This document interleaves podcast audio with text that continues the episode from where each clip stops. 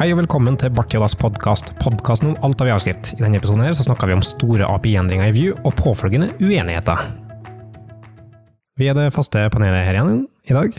Jeg er usikker på hva vi bruker å starte med, men vi starter med Christian. Hallo. Og Christian. Hei. Uh, og Marius. Hei. Og med Mikael. Hallo. Uh, jo, takk.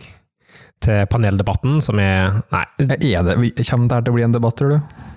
Jeg vet ikke om det kommer til å bli en debatt. Eh, Det kommer til å bli noen refleksjoner, kanskje, rundt eh, mange forskjellige plan. Enten det er eh, API-endringer, om det er View, om det er maintaining, store prosjekt. Mye ting å touche på her. Men før vi kommer så langt Så burde vi starte på sakens kjerne, ja. som er en artikkel vi har lest igjen. Det er jo det vi driver med her på podcasten. Eh, som heter for eh, Views Darkest Day. Dramatisk. Mhm. Er det noen som har lyst til å prøve seg på en oppsummering, eller? Er det én ting eh, vi som community begynner å bli gode på, da, er det å være dramaturgiske. Altså, det er en virkemiddel, spiller på virkemidler, men, men som vi også kommer til å se etter hvert, altså, er det en grunn til at det har vært så eh, dramatisk, det for fordi det har vært store reaksjoner i noe som har skjedd der. Um, og det er kanskje nærliggende, Alfani, at du snakka litt om hva som har skjedd. For det som er litt interessant, som vi også kan touche inn på, er at de har gått over til et API i View som er i samme gate som Overmind, for state management, med å bruke proxyene. Å ja, sånn sett, ja. Mm. ja. Men det er mer sånn underliggende Ja, sånn prim primitive Som ikke påvirker selve API-et. Nei. Mm. Men uh, kom an, noen step up. Hva som har skjedd? Mhm. Um, ja, hva er det som egentlig har skjedd? Um. Even, Even Yu, som har skapt eh, View, uh, har publisert et RFC. Og hvis jeg har forstått det riktig, så er det Request for Comment. eh, der han legger fram et forslag om hvordan framtida til deler av View API skal være. Mange har tolka det som at det er sånn det kommer til å bli, og at han ikke ber om tilbakemelding. Og derav har det da blitt eh, furore i communityet, som en gang var stabilt og flott. Det er verdt å se litt på det med re re- request for comment først. da. Mm. Det er en, sånn, en virkemiddel, en, en maintainer-verktøy, som er mer og mer blitt vanlig i de større rammeverkene.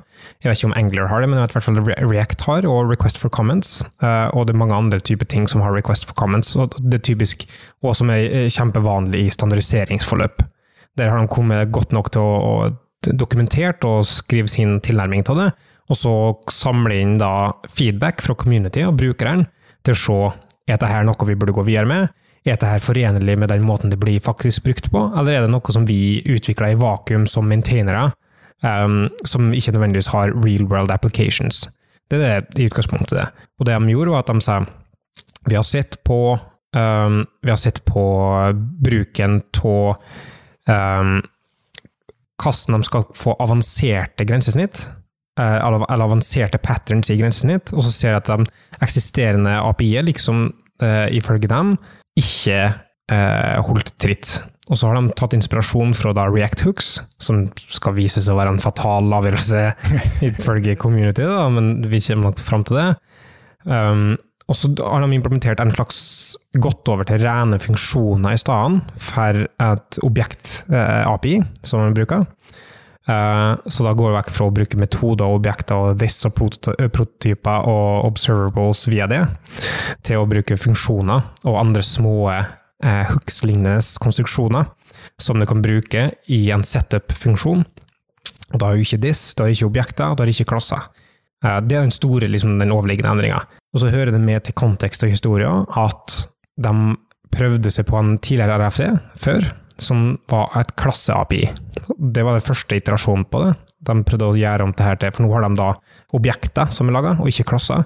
Og så så de på at eh, nei, det kom ikke til å løse dem og dem påvirk- den og den uh, patternene som de ønska, sjøl om det var mange som var eh, eh, var glad og optimistisk til den klasse-API-RFC-en, så eh, gikk de og sa nei, vi vil ikke ta det for det, for det er vanskeligere å, å ha type inference i TypeScript. Det er vanskeligere å få til komposisjon, og vi favora komposisjon over inheritance. Det var liksom den konklusjonen, som var en upopulær avgjørelse i seg sjøl.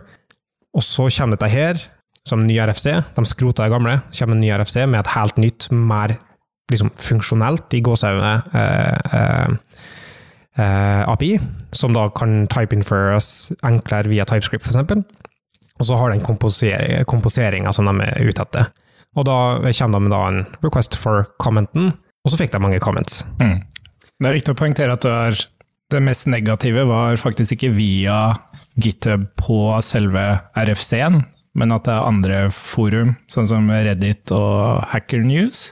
Det er verste av altså de altså det, det var liksom graden av kommentar, negative kommentarer også, at det går liksom forbi eh, faglig, teknisk altså, Typisk sånne plasser der folk kommenterer uten å ha lest saken i utgangspunktet. Ja, ikke sant? Mm. Også, um, og, og, det er det, det er pit of despair, altså. altså eh, jeg måtte ha sett meg inn i på en måte hvordan det her, hva folk sa, da, for å kunne eh, snakke om det.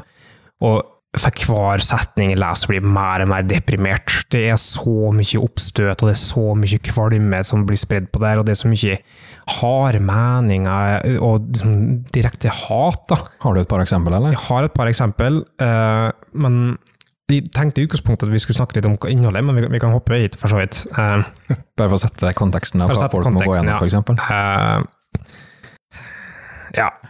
Det pusta tungt her nå. Nei, jeg, jeg, jeg, vet bare ikke hva jeg skal ta. Jeg prøvde å ikke ta de aller mest ekstreme, som er liksom øh, øh, mer, som er mer personretta og slike ting, da, men, men, generelt bare sånn ekstreme hyperpolisering av situasjonen. For de mener i stor grad at det er en storm i vannglass som nå blir skapt her, da, mm. som tar med å underbygge det. Ye gods, the biggest reason why I like View is because it isn't React. Uh, og hele argumentet er at han skal mene nå at View blir om til React, og det viser seg da at nesten alle som er på Reddit, som liker View, liker View utelukkende fordi det ikke er React. det er så mye nedover her. Sånn, React is icky and ugly and wrong. Bare det hele uh, setninga. Altså uh, It will never beat React since there uh, wouldn't be enough reason for React developers to make the switch. Og igjen, hele drit kjempebekymra for at det skal bli React, og da blir det dårlig for at uh, ipso facto I guess uh, that's my cue to leave front-end programming forever, and my current job. Parentes, I'm not joking. Folk er så dramatisk. I literally could have uh, my 12-year-old code view 2.6 uh, apps, but uh, she'd lose all interest in programming if she saw the 3.0 proposal. uh, we just adopted View last month, and now this news hits, og osv. videre med negativitet, negativitet. Og det er en ting annet som går igjen i de kommentarene her. da. Uh, nå er, Det høres ut som jeg har hatt en case study i den her, men generelt det som har gått igjen, er mye det med at dette blir om til mye til React, uh, eller folk som nettopp har blitt introdusert for View som syns dette er den største krisen i verden. Uh, og det er mange som på en måte ikke har så mye erfaring med det, men som føler utrolig entitled til den uh, som de holder på å lære seg, og så føler de seg deppa for det som skjer da. Uh, og så er det 50% av kommentarene som er ah, nei, men um, vi orker ikke alle omskrivinga, uh, så derfor skal vi skrive om til den nye, bedre tingen, som er svelte. som er både, uh, for det er da den nye, store tingen som, uh, eller som bestandig som lover at de skal være stabile, og sånt. det, her, det er ikke et rammeverk, for det er en compiler. Så Derfor kommer de ikke til å ha den økninga i kompleksiteten osv. Så, videre. så Så det er på en måte bare å hoppe over det. Så mye kommentarer om det.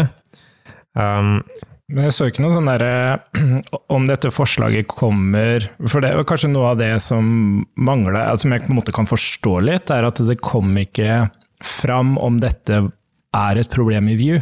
Om er dette noe de vil gjøre internt for å, som de tror er en forbedring av View, uten at det egentlig er et behov for å gå mer funksjonelt med View. Jeg har inntrykk av at folk velger View fordi de ikke har den funksjonelle approachen, fordi de har ikke behov for det og vil da ha en enklere API-overflate, i motsetning til React f.eks. Og, og, og grunnen til at og Det er litt urettferdig at vi ser på denne artikkelen nå, da, uh, og ser på den kommentaren, så ser vi det ut ifra den gjeldende RFC-en.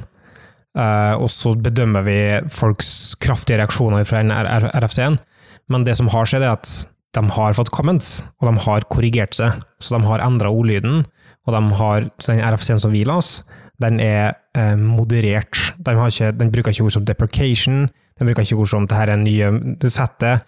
De, de har endra mye på den eh, migreringsplanen, eller den måten du ser på det API-et på, som en addition, som er opt-in, i stedet for the new blessed path som vil bli prioritert, og så skal alt annet deprecates. Og Det er der mye av friksjonen kommer. Da. Det og folk som ikke har lest i det hele tatt, som tror at eh, proposalet handler om string eh, templates. Mm. At du kan inline string templates, noe som har vært i view hele tida. Eh, men de ikke visste det fantes, og så ser de det i eksempler, mm. og så tror de at det er React fordi det, for det ikke er separation of concerns, ja. som er hele diskusjonen. Så. Men jeg lurer på om det er litt historie der også, for View har også fått litt sånn pepper før det som skjedde her, med at de eh, jobber urettferdig også, da. At eh, de jobber med ting internt. De jobber ikke åpent med ideene sine. De utarbeider ideene internt, og så kommer det på en måte ut. Og da var det litt sånn uten at noen kunne innspille og sånn, men det er jo det de har en prosess på nå, som er veldig bra. da. Og det, og det er bra, jeg liker den RFC-framgangsmåten. Eh, men risikoen igjen en, Det er aldri enklere å være åpen. Det er en, det er en hardere vei å gå. Eh, og det ser du her òg, for at de kommer ut med ting som er en idé som ikke er implementert, så blir det bestandig altså det blir tolka som gospel. Og så blir det slik at da blir folk hva, som er det folk reagerer på gospel? Jo, religiøst tilbake. um, og, og, det er jo det som har skjedd der, da, på en måte. Uh, men så har de, de har faktisk gjort en RFC. De har fått comments, og så har de eh, korrigert seg litt, og så har de moderert seg, og så har de uh, iterert på ideen sin. Uh, og først så var det fullt av folk som klaga over at de ikke tar imot feedback. Sånn, dere endrer ikke, dere hører ikke på hva community sier uansett og så har de endra det. Og så kom de da eh, Sannsynligvis andre folk, men som, som gruppe, liksom. Så var det Å, dere bare endra ting. som, dere bare har tatt og endra ting som vi kritiserte. Og så var det plutselig det negativt igjen. Da. Mm. Og, og, det er røft, da! Mm. Å drive med sånn maintaining av et så populært prosjekt, og så er det bare liksom Men de, de, har jo på en måte ignorert noen kommentarer om at han, han lukka faktisk de forrige proposalene på den klassebaserte varianten og sånn, uten at noen egentlig har fått sagt sitt om, om, den saken. Det var tydeligvis mange som følte masse positive ting for den, eh, den og dem har jo på en mm. måte ikke blitt hørt da, fordi at han bare Eller View har skrapa det forslaget og kommet opp med et nytt et istedenfor. Ja, de hadde liksom en liten konklusjon på det, ja. men, men, de følte seg tydeligvis ikke hørt nok i det. Og, og det er litt som, som du snakka om òg, Alfani, at de har drevet med lukka ting, og så prøver de seg nå. De, de, de sier sjøl de er nye på RFC-måten å jobbe på, så de har prøvd seg, og så er det liksom barnesykdommer rundt det, og liksom modningsprosess som må komme med det å jobbe med open, uh, open first. Da. Det som slår meg litt, er hvordan vi kan sammenligne det her med hvordan eh, React Hooks ble lansert, for det var jo egentlig enda mer uh, minefelt, føler jeg da. Fordi det her var jo ikke noe erstatnings-API i utgangspunktet, men ble misforstått. Uh, og det er jo for så vidt ikke hooks heller, men det er på en måte mer sånn skal det være framover. Mm. Og hvordan de også jobba masse internt med det forslaget her og sånn, men de tok det på en konferanse, og det var så mm. sinnssykt forberedt hvordan de foreslo det her. Og så kom RFC-en etter den presentasjonen. Og kanskje det er det som ofte skjer, det kan sikkert alle kjenne seg igjen i, at når man jobber med noe over lang tid, så, så bygger man opp alle disse små detaljene oppi hodet, og så skal man på en github-issue få fram hele mm. essensen. Det er helt umulig. Mm. Det er litt fascinerende, egentlig. Mm. Um, og sånn, uh, før vi går igjennom, men uh, skal ikke fokusere altfor mye på den, sånn, all den kritikken de har fått, da, for det er òg en del positive ting som folk har snakka om. men det som er synd, at det går ofte utover Og det er litt kostnaden til å være en sånn representasjonell maintainer, da, som uh, Evan View er. Jeg heter sikkert ikke Evan View, jeg heter Evan View. Enkelte blander dem to. Jeg kaller, kaller ham til Steven, jeg, av en eller annen grunn. Så det, okay. det er ikke ja, alene. Det er fint kallenavn, jeg vet ikke. Men um, det blir mye fort litt sånn personangrep, da. Og, og mye sånn entitled følelser om at eh, Av en eller annen grunn så føler jeg at de de frarøver dem noe. De stjeler noe som er deres som de får. Hvordan våger å komme og ta det som vi liker så godt. Og som vi har betalt så mye penger for. Ja, eh, og, så, og så baller det på seg, og så blir det folk blir aggressive. Og, og det er ikke, kan ikke være enkelt for han da, å sitte og få liksom all den tingen, ting som han bruker mye tid på. Mange som bruker mye fritid på det, og gjør ordentlig gode innsatser for dem og føler at de gjør noe bedre. Og så eh, eh, kommer det folk som bare på en måte stille konsumenter, men skal eh, være tydelig hørt. Da. Og det er det jeg tror vi ser mye på Reddit og, og Hacker News, for at igjen, det er en, det er en aggregering av sinte, fortvilte folk. Ja. Um, og alt det var negativt. På GitHub-issuen så var det nesten ikke negativt i det hele tatt. Nei, og der går det gjerne i tommel ned ofte, at det gir utløp for aggresjonen. Men jeg tenker også det å håndtere det her, da, nå er vi inne på liksom, hvordan håndterer de det her, og spesielt eh, Steven, Even. Ehm, eh, Google og Google med Angular og Facebook med React, de har et massivt system bak seg. eh, Kanskje også derfor de eh, håndterer sånne store endringer bedre. Angular også har en historie med ganske store endringer, og Ja, å håndtere. den kom de ikke særlig godt ut av. Nei, nei, men de, det, det var, jeg tror ingen en enkelt person der som føler sånn som Evan gjør det. Fordi Nei. View er et, fortsatt en liten startup i denne enterprise-businessen og framework, nesten. da. Så jeg tror virkelig ikke det har vært så greit. det folk sammenligna den situasjonen her med, da, en storm i vann- vannglassmessig, men det er sånn derre Å, det er akkurat som, som Python 2 versus, versus Python 3 eller Angler JS, liksom. Det var de to eh, største eksemplene på eh, hvordan du ikke skulle gjøre det. Um, Men det har jo vært snakk om Det også stusser jeg veldig på, for det har jo vært snakk om versjon 3.0 av View veldig lenge. eh, Og tanker og sånne ting. Og så plutselig så smalt det med den ene featuren her, liksom. Og det er akkurat sånn som du sa, det er jo bare en metode de har lagt til. Det er jo ikke noe mer enn det. Og så måtte det skje der. måten Jeg skjønner jo på en måte at folk blir litt sånn sur, for selv om det er noe som er lagt til, så er jo det, skal jo det der være den nye standarden, og han sier jo også at de kommer til å fjerne det gamle API-et på et tidspunkt. Nei, men gå tilbake på det, som sier nå at så lenge folk aktivt bruker det, så skal vi ikke fjerne det. Ja. Men det ligger nå i kortet at på et eller annet tidspunkt kommer det til å bli fjerna. Ja, for man vil jo fjerne det pga. payload size, Ja. og, Jo, så man men- vil få det ut på et eller annet vis i hvert fall. Ja, men uh, snakk om å ha separate bundles for Ja. det.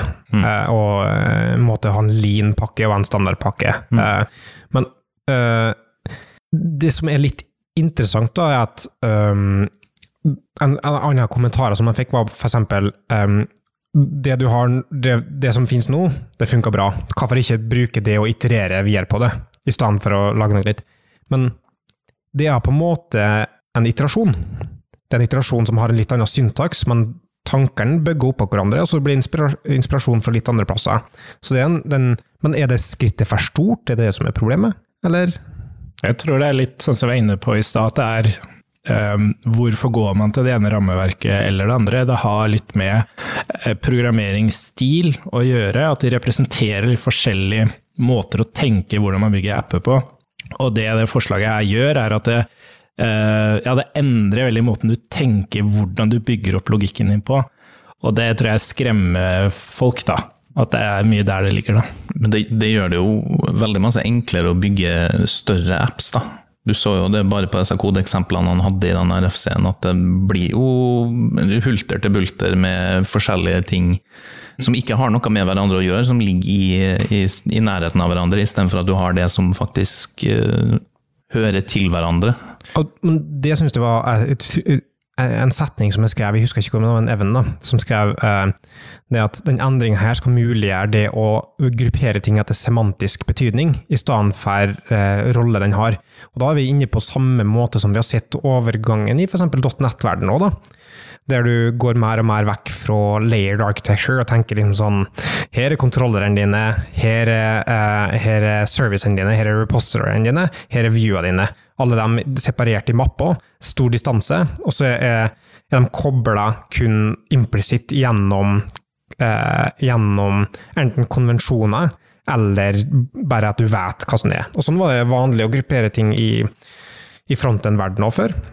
Både i nyere .NET Core-sammenhenger, og i, i, mange som foretrekker å gjøre det på frontenden, så grupperer nå heller til modules eller features, der du samler alt som har ting med hverandre å gjøre, uavhengig av hva slags rolle den har i de forskjellige tingene. Uh, og så kan du sortere det i internt med seg. Men her er det egentlig akkurat samme tankegangen. da. Det at du tar kode som har relevanse for seg sjøl, og grupperer dem i blokker. Og så har du da minimere konteksten du trenger å ha i hodet ditt mens du hopper rundt det og leser koden. Um, han formulerte på en mye mer elegant og kortfattig måte, men uh, det, det, er en utrolig interessant tanke. da. Uh, og Hvis du ser på de kodeeksemplene som du sier, Kristian, så, så, er det liksom sånn ja, Her har jeg et objekt nedi her som er relatert til en metode nedi her, men egentlig ikke relatert nøyaktig imellom hverandre heller. Uh, du bare må vite at det er mer relatert. Mm. Mens her så samler du det sammen. Uh, ja, og så var det bruk av magiske strenger og sånt som hadde metodenavn som innhold og sånt som Det er jo et mareritt å vedlikeholde, spør du meg, da. Men jeg, jeg mm. syns det her virker som en ganske stort positivt skritt, da, skal jeg være helt ærlig. Mm. Jo, det, men det er sånn uh, om man trenger det. Og det er litt sånn, sånn som den artikkelen også fikk fram, er at det, det er eksempler på eh, views eller komponenter der man har hårete logikk. De bare vokser ut av proporsjoner. Eh, men det er veldig mange som ikke har de komponentene. Eh, og det her er litt sånn pussig, for vi, vi, hadde iterasjoner på det her med Overmind-prosjektet også. For det starta rent funksjonelt, for vi ville lage et funksjonelt API for, som funka med TypeScript. Um, men gjennom iterasjoner der så fant vi ut at eh, nei, vi, vi, vi starter med eh, et sånt imperativt vanlig grunnlag, og så kan man flytte seg funksjonelt om man har behov for det. Og det er jo egentlig akkurat det View gjør, men det er jo misforståelsen her, da. Men eh, og så er det litt som vi er inne på tidligere, hva er liksom funksjonelt? Er det mer komplisert å tenke sånn? At du, du får mer igjen for det fordi du, eh, du, abstraherer og du grupperer og alle disse tinga her, sånn, og gjenbruk og alt det her. Eh, du, det, du syns nå i hvert fall det, for du uttaler at, at imperativt er vanlig. Men, jo, men det, argumentet, som, argumentet, som, vi har diskutert om mange ganger før, det er at det ikke alle utviklere som har gått samme vei som du. Det er ikke alle som går via imperativitet før de går til deklarativitet. Det finnes mange forskjellige folk som tenker på ulik måte. Jo, jo, men sånn generelt da, i fronten med javascript, for eksempel. Da. Mm. Altså, I, i fronten-verden så er det jo imperativt man jobber men, når man lærer språket. Selv API-er, da. Altså, det, er ikke, det, er ikke et, det er ikke et funksjonelt API, de bruker funksjoner. men altså, That's mm. it! Du invokerer en funksjon, ja, ja. og det er, det er, ikke funksjonelt. Du har ikke liksom sånn Um, du, du, har ikke et stort funksjonelt tankesett med at alt skal være expressions, eller alt skal være uh, bestandig gå inn til andre, og du skal ikke ha noen statements i koden din, uh, og du skal komponere med små uh, hjelpefunksjoner, combinators, og du skal ha monadiske verdier, og, og så videre. Ja, du har den valuen som pakker inn ting som en slags lens for å gjøre det, men, men det er fortsatt ikke funksjonelt, det er bare en rappa verdi. Uh, Java har nå rappa og boksa verdier i alle år, men ingen ville ha kalt Java funksjonelt programmeringsspråk for det. Nei, men, men, hvis du tar det eksempelet som var i artikkelen, så er det en annen måte å tenke på. Uh, fordi du, du, du, lager disse abstraksjonene som du, du, Sånn som du vanligvis ikke tenker i kontekst av view her, da så har du bare Du definerer på en måte bare ting i objekter. Sånn, du kaller ikke på noen funksjoner. Du, du, jobber jo med objekter. Og det er sånn man tenker, og der man hekter på ting. Man putter ikke ting inn i funksjoner som både har eh, eh, definert verdier og endring på ting, og du gjør liksom det blir en annen måte å tenke på. Det, det, det blir en annen måte å tenke på. Ja. Blir, men... Og jeg sier ikke at det er feil, det er bare tror jeg ukjent for veldig mange. Da. Og det er min erfaring også, at det er eh, Der faller folk ofte av lasset, da. Fordi det er bare er annerledes, rett og slett. Jeg satt og las mer og mer sånn eksempler før og etter eksempel på de API-endringene her, da. Og det som slo meg, var at de gamle eksemplene, um, det er ikke gyldig javascript, egentlig. Altså, de, de føler ikke ordentlig javascript-eksekveringsgreier engang. Det er et eller annet sånn magisk som skjer i oppslag til ting der òg. For ting som du definerer i dataobjektet ditt, enten så er det skriveferdig alle eksempler jeg har sett, eller så har de sånn magisk oppslag på det. Som er at det som definerer i dataobjektet ditt, det du bruker i watcher-funksjoner sånn, eh, i ettertid, eller i handlers, det er automatisk eksponert på this-konteksten din. Uh, selv om det ikke ligger på this, selv om disse egentlig peker til en annen ting i, hvis du skulle ført javascript ellers, så har de mappa det opp på en eller annen måte, som gjør at du, du kan ikke bare lese det, og så bruke kunnskapen din fra javascript til å skjønne hvordan outputen til dette skal være. Du må lære det view først. Ja. Altså, og, og, så, så det, så, det slår meg hva enkelt det er å sitte og, og argumentere for eh, som, som eh, Vue-folk gjør, og som React-folk gjør, og som Angular-folk sannsynligvis også gjør, liksom, er at nei, dette her er simple, og dette er clear, og dette er easy to uh, read. Alle bruker de samme argumenter, liksom, men så har de helt forskjellige måte, tilnærmingsmåter å gjøre det på. Da. At nei, dette her kan hvem som helst sette seg inn i. Uh, men jeg får argumentert for at ingen, altså hvis du kan javascript fra før av, og så ser du dette her, så vil det være, være uventa. Mm. Mens det nye API-et, da bruker du javascript uh, underliggende. Um, og da kan du føle den men Du må kunne ting som closures, da, men det er, en, det er overførbart gjennom abstraksjoner. For det er en sånn språkfeature. Og det er ganske, og det tenker jeg kanskje det som er mest mindbending da, med denne hooks-approachen, det er det her at du har kode som kjører om og om igjen, men eh, noen ganger så gjør ikke koden det du tror den gjør. fordi for eksempel hvis du har en verdi, så er det ikke sånn at du setter verdien på nytt. Det er bare første gangen du kjører koden, så blir verdien satt. Eh, og så har du sånne ting som eh, Jeg så en tweet eh, tidligere i dag om use effect i React, og en som bare skriver at jeg skjønner ikke, jeg syns det er kjempevanskelig. Det er enig Og jeg kan forstå det, for det er som du sier med closures, og hvilke verdier er det den egentlig har i forhold til, når er den egentlig definerer den funksjonen, når er det den funksjonen blir bytta ut, osv. Og det er den derre Ja, koden leser mye bedre på én måte, men du får mer sånn essensen av det. Og, når, og det å forklare det, hva som faktisk skjer under panseret der, det kan mener jeg er vanskeligere å forstå enn data this peker ikke til objektet data, men det peker til instansen der data har blitt flytta inn. Altså, I løpet av alle mine år som jeg har prøvd å snakke om, om kontekst i javascript, som tydeligvis er den vanskeligste tingen å skjønne med javascript, det er kontekst, hvordan kontekst funker. Og her introduserer jeg meg en ny dimensjon til det. da. For at, ok, du vet hvordan kontekst funker. Ja, kast det! Vi vet du har brukt fem år på å lære deg kontekst og prototyper og sånn i javascript. Nei, nei, nei. Der, vi har gjort omdefinert vår egen måte å gjøre det på, for at du skal slippe å skrive 'dist.data' i, stedet for å beskrive det. Jeg syns det er så fin greie. View eh, har det med 'dist', da, som er eh, sånn der et stygg, stygt merke på View. Og så har du hooks i React, som er det her at det, ok, den kona kjøres om og om igjen, men den kjøres ikke likt hver gang den kjører. Eh, og så har du eh, svelte med den at de bruker label, er det det? Label, ja, ikke sant? eh, Alle har sin sånn stygge, litt, sånn, litt ekle ting de gjør, da. Ja, øh, og det er litt interessant, for da går det tilbake på det som jeg øh, var helt enig i. Jeg var ikke enig i alt, men akkurat det var jeg enig med når Ryan Dahl snakka om Deno. Det at han ofra på en måte Forklarer du? I tilfelle noen ikke vet. ja, øh, den nye runtimen som er basert på, utelukkende på um, TypeScript, uh, som kjører skal være et rent scripting uh, runtime for javascript, som mange vil se på som en alternativ til Node, men det er ikke det, for det er en script-måte som funker på en helt annen måte. Um, det er ikke så veldig uh, Ryan Dahl er han som lagde Node i sin tid, eh, og har mange forskjellige eh, syn, for så vidt, men det han sa at en ting som han angra på når han lagde Node i utgangspunktet, var at han prøvde å være clever, eller cute. Og at han introduserte et API som bare var cute fordi han syntes det var litt interessant å gjøre. Og det bestandig kommer til å bite litt i rumpa. da.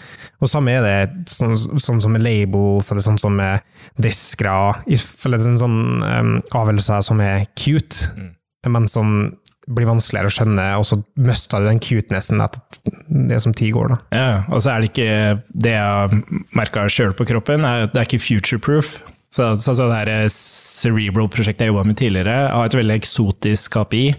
og så kommer TypeScript, og så bare feiler det totalt. Det er ikke sjanse i havet å få det til å funke med TypeScript. da. Med det nye API-et til Vue, så er det ett friksjonspunkt som vi kan skjønne folk som er ny i, i Javascript kan henges opp i, og det er um, reference types, på en måte. Det at du pakker inn values, et primitive, som er, som er value types, pakker det inn til reference types med å gjøre dem om til et objekt, sånn at du kan passe dem by reference gjennom funksjoner. Og så ligger det en proxy i underliggende der, som lytter på endringer som, og, og oppdaterer dem. Så det er immutabelt, men, men du behandler det som mutabelt. Og da er vi over på, eh, din banehalvdel, eh, Alfani, som er i praksis det overmind det er, sant? Mm. Pakka inn objekter i, i um, objekter. eh, Pakka inn verdier i objekter, sånn at de kan lyttes på med handlers fra proxyer. Som, som en metaprogrammering-aspekt på det. Du på en måte gjør du gjør helt vanlige javascript-verdier reaktive, da. Det er det som er målet med det. Ja, så du kan bruke et objekt sånn som det ser ut som et objekt, men egentlig så er det en funksjon som blir invokert for hver gang du interagerer med den, enten du setter verdien, eller om du henter ut en verdi. Ja.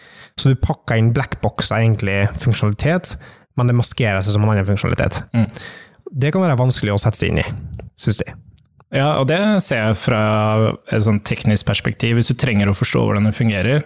Men det spørs litt hvordan man tenker om det også. Hvis ta sånn som Mobex for eksempel, har et mer renere versjon av det. For da er det liksom, Du definerer verdier helt sånn hvor du vil, om det er i en klasse eller hvordan du vil strukturere det.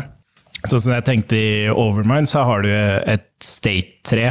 Og det er et API, egentlig. Du definerer verdiene dine i et tre, og det som det rappes proxy rundt, det er objektene og arrayene i det treet. Det er ikke sånn at du lager observable values, liksom. Du har et state-tre, og når du muterer det, så eh, blir det reaktivt. Da. Det varsler eh, hva enn som trenger å vite om de muteringene.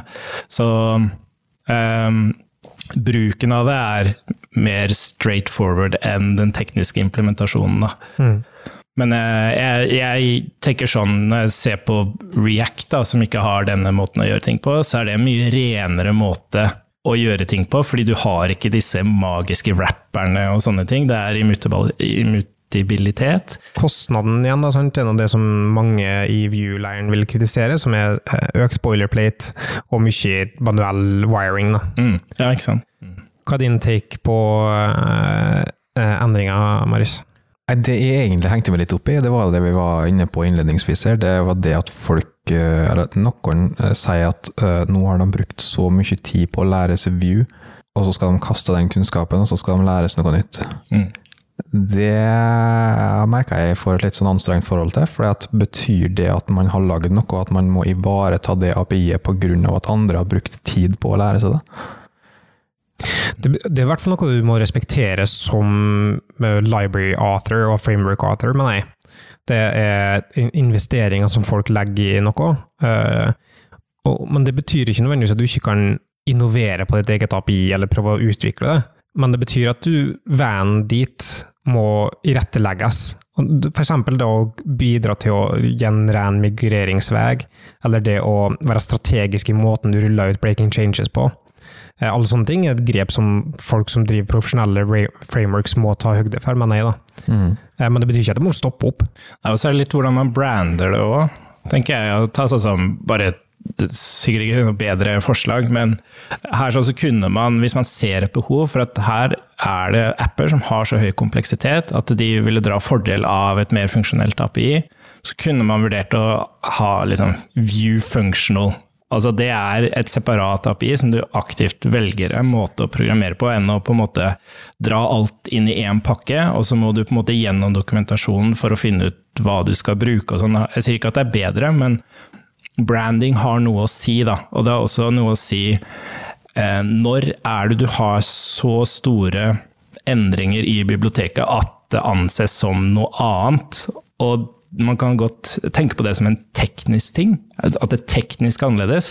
Men så er det hvordan oppfattes det annerledes? Altså hvilke målgrupper treffer du med disse endringene? Og det er ganske interessant da, og utrolig vanskelig å forutsi. da. kommer fort opp i det som er ofte tilfellet, tenker jeg, med, med teknologi, eller det, omstilling for folk generelt. Og det er liksom slow boiling frog-opplegget, da. Sant? Alle kjenner den parabelen? Eller- Ja, Ja. fin den.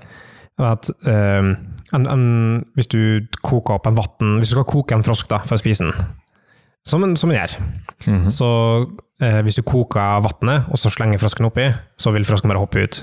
Mens hvis du starter med kaldt vann og har frosken oppi fra starten av, den er ganske makaber, men den er fortsatt fin, så vil den gradvis bli vant med temperaturøkningene, så innser den ikke frosken at det koker før den dør, da. Skjønner. Jeg hørte den med stekepanne, faktisk. Var det noen som brukte stekepanne en gang? Ja. Men, men tror dere at, at folk er mest redd for, for den endringa i at eh, nå må jeg forholde meg til et nytt API? Eller er det egentlig det de er redd for, at den koden jeg har brukt to år på å lage nå, den kan jeg egentlig bare kaste på sjøen, fordi at den kommer ikke til å funke i framtida? Tror mange tenker det, men så har de jo feil.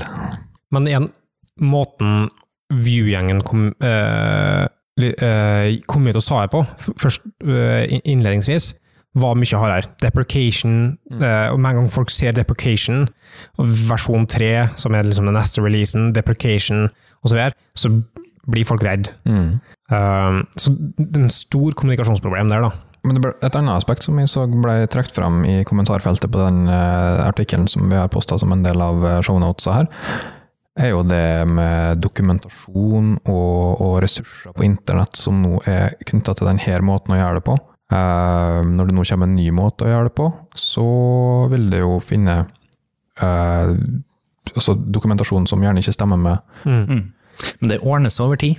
Sier han Ja. som sitter i Angular-læring. Ja, han som har vært gjennom Angler JS til Angler.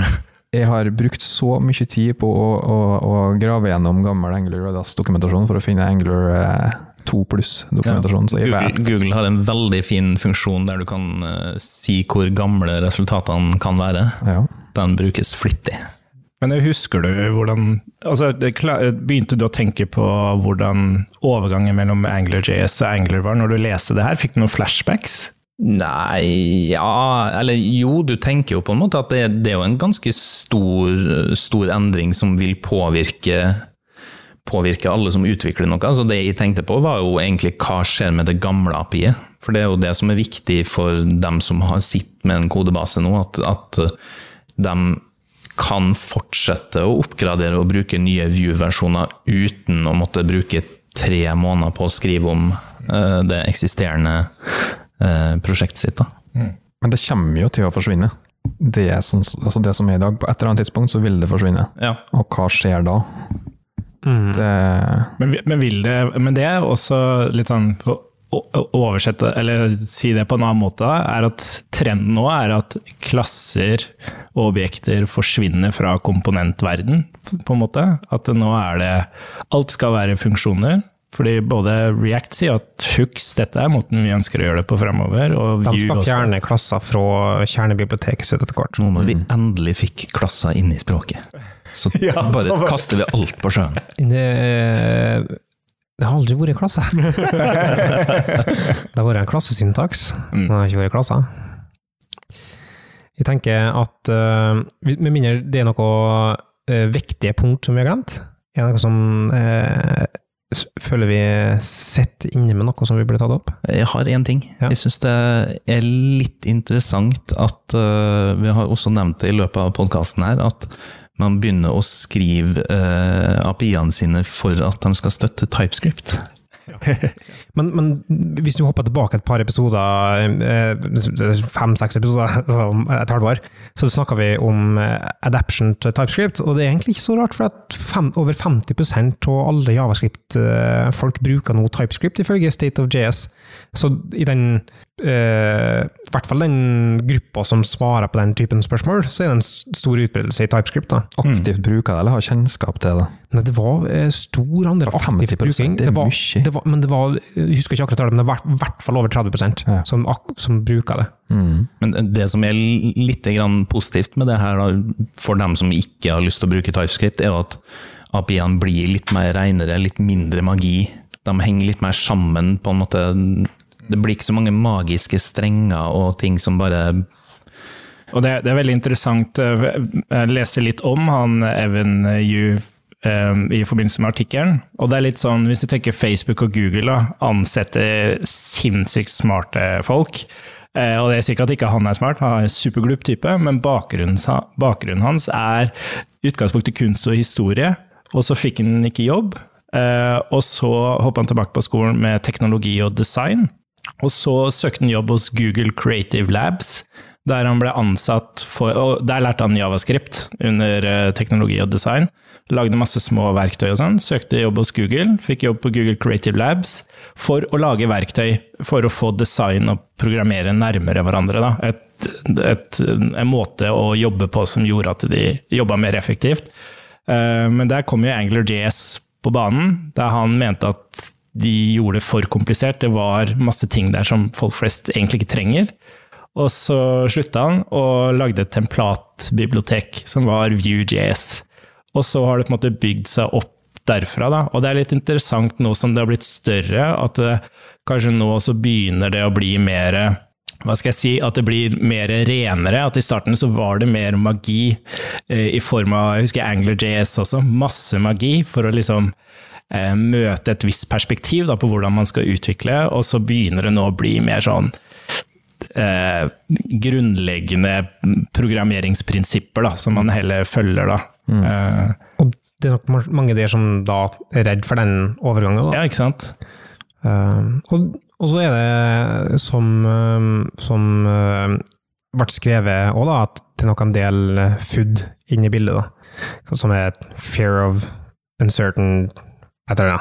Ja. I hvert fall frykten for det ukjente. Ja. Alt som er ukjent, er mye skumlere enn det du navn Altså, kjente svakheter er mye tryggere enn ukjente svakheter. På en måte. Mm.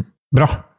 Da eh, tenker vi runde av der. Mhm. Um, sikkert mye vi har mista. Vi, er- vi er ikke kjempe Vi er ikke kjempe sånn eh, inn i view-verden, eh, i hvert fall ikke i. Og så vidt jeg kjenner resten av gjengen, så er vi ikke heller, heller det. Så sikkert mange perspektiver vi har missa. Jeg til oss på Twitter, eh, for eksempel, eller på Bartias-slacken Mhm. som er slack.bartidas.io, eller Twitter, da, som er at underscore bartidas. Kom med dine perspektiver. Hvis de har lyst til å stille spørsmål, Kristian? Da er det på at Larifax på mange medium. GitHub og Twitter og Men Slack. på medium, da? Nei. Nei, okay. Eller, ja, jeg har jo en bruker der, men Ja. jeg vet ikke om de kan nå meg. Uh, Alfoni? Eh, ja, det er eh, Christian Alfoni med CH. Det er samme handle eh, hvor enn, inkludert medium. Ja. Marius, hvis du har eh, spørsmål om podkastproduksjon eller Bartidas podkast? Da finner dere meg på et uh, Krakels på Twitter, eller alle andre plattformer, bortsett fra Medium. Ja. Der er det noe annet. Der er det Marius Krakelin. Marius Krake. Uh, vi kan jo stille spørsmål på at Mikael Brevik på Twitter. Um, og så har jeg ulik, ulik handle overalt, uh, så jeg husker ikke engang sjøl. eller faktisk på at underscore Bartiodas, Skal vi skrive spørsmål der? Mm. Slack. Slack.bartiadas.io. Tror vi jeg nevnte det to ganger allerede. Da gjenstår det egentlig bare å si takk for at du hørte på. Så høres vi i neste episode.